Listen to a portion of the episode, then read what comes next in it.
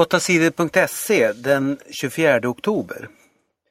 Låga löner på fabrik i Kambodja. Arbetarna i landet Kambodjas klädfabriker sliter hårt och tjänar väldigt lite pengar. TV-programmet Kalla fakta berättar om trebarnsmamman Deuar Sopon som jobbar i en fabrik som gör kläder till bland andra den svenska butikskedjan H&M. Hon tjänar tre kronor i timmen och arbetar väldigt långa dagar. Hon arbetar ibland 70 timmar i veckan. Hennes månadslön är omkring 500 kronor. De pengarna räcker inte till mat åt familjen. Hon blir tvungen att låna pengar. Oron gör mig sjuk. Jag vet inte var jag ska få pengar ifrån, säger hon i tv-programmet. Carl-Johan Persson är chef på H&M. Han håller med om att lönerna är låga och att mycket måste bli bättre i fabrikerna i Kambodja. Men han säger att det finns fackföreningar och löneavtal på fabrikerna. Det är bättre att vi köper varor från Kambodja än att vi inte gör det, säger han. Sverige vann mot Schweiz. Sveriges damer vann landskampen i fotboll mot Schweiz. Sverige vann eh, matchen med 3-0. Det första målet kom redan efter 37 sekunders spel. Kosovare Aslani passade in framför mål och Sofia Jakobsson stötte bollen i mål. Aslani gjorde 2-0 i början av andra halvlek. Det tredje målet gjorde inhopparen Antonia Göransson. Det var årets sista landskamp för Sveriges damlag. Det var också första matchen för den nya lagledaren Pia Sundhage. Forskare döms för missad jordbävning. Sex forskare i Italien har dömts till sex års fängelse. De döms för att de missade att varna för en jordbävning för tre år sedan. Jordbävningen förstörde stora delar av staden L'Aquila. 309 människor dog när hus rasade ihop. Flera tusen människor fick sina hem förstörda. Många forskare i Italien och andra länder protesterar mot domen. De säger att det är omöjligt att veta när det ska bli en jordbävning. Mer våld mot muslimer i Burma. Det har varit oroligt i landet Burma under hösten. Buddister har attackerat muslimer i området Rakhine. På tisdagen blev det nya bråk. Folk brände ner muslimernas hus i flera byar och minst tre människor dödades. Det skriver nyhetsbyrån AFP.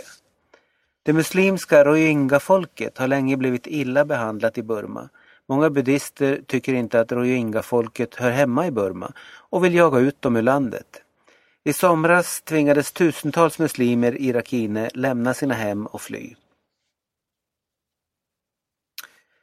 Pojke som spelar för mycket dataspel tvingas till vård. En 16-årig pojke får inte längre bo hos sina föräldrar.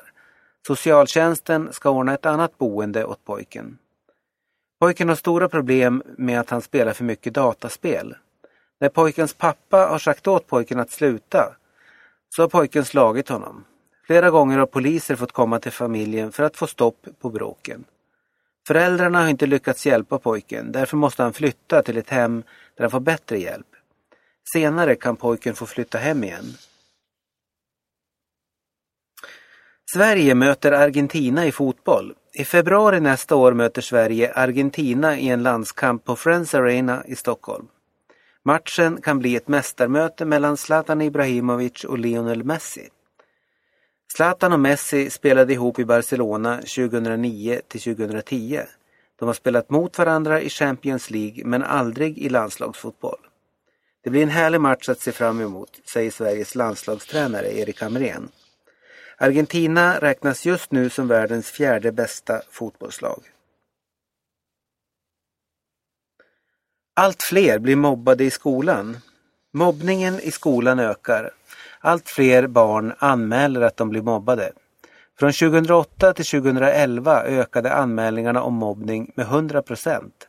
Det visar siffror från Skolinspektionen. Många skolor arbetar hårt för att stoppa mobbningen men det arbetet verkar inte ha hjälpt särskilt mycket. Det är bedrövligt att så många elever blir mobbade, säger Cecilia Nöckler på organisationen Barnens rätt i samhället, BRIS. Sedan 2009 har det blivit lättare att anmäla mobbning till Skolinspektionen. Invandrarkvinnor har svårast att få jobb. Många invandrare har svårt att få jobb när de kommer till Sverige. Kvinnorna har det svårare än männen. Det visar en ny undersökning som regeringens experter har gjort. Kvinnorna måste få mer hjälp. De behöver bra utbildning i svenska och korta kurser som gör det lättare att få jobb. Det skriver Elin Lindell som varit med och gjort undersökningen. Kommunerna måste också få mer pengar för att hjälpa invandrare, skriver Lindell i tidningen Dagens Nyheter.